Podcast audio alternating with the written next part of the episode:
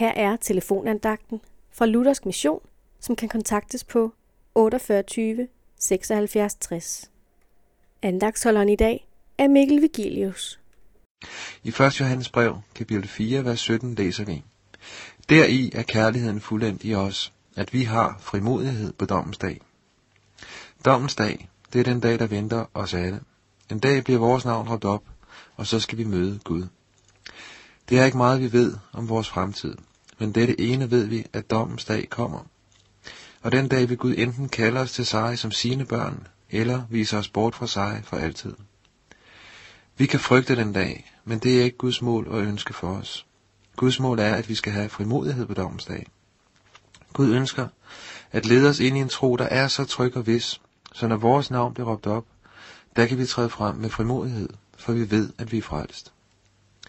Hvordan får vi denne trygge og visse tro? Det gør vi ikke ved at vende blikket mod os selv. Vi er syndere, da jeg selv har fortjent at blive fordømt af Gud. Men der er en, som er gået i vores sted. Jesus påtog sig på korset al vores synd og skyld. Der modtog han en gang for alle Guds dom i stedet for os, og dermed kan vi gå fri, både nu og på dommens dag. Har vi blikket vendt mod Jesus og det han har gjort for os, der kan vi træde frem med frimodighed, for vi ved, at vi er frelst. Jesus gælder i mit sted. Frit jer frem til at træde. Bøje mig for tronen ned. Takke og tilbede. Amen.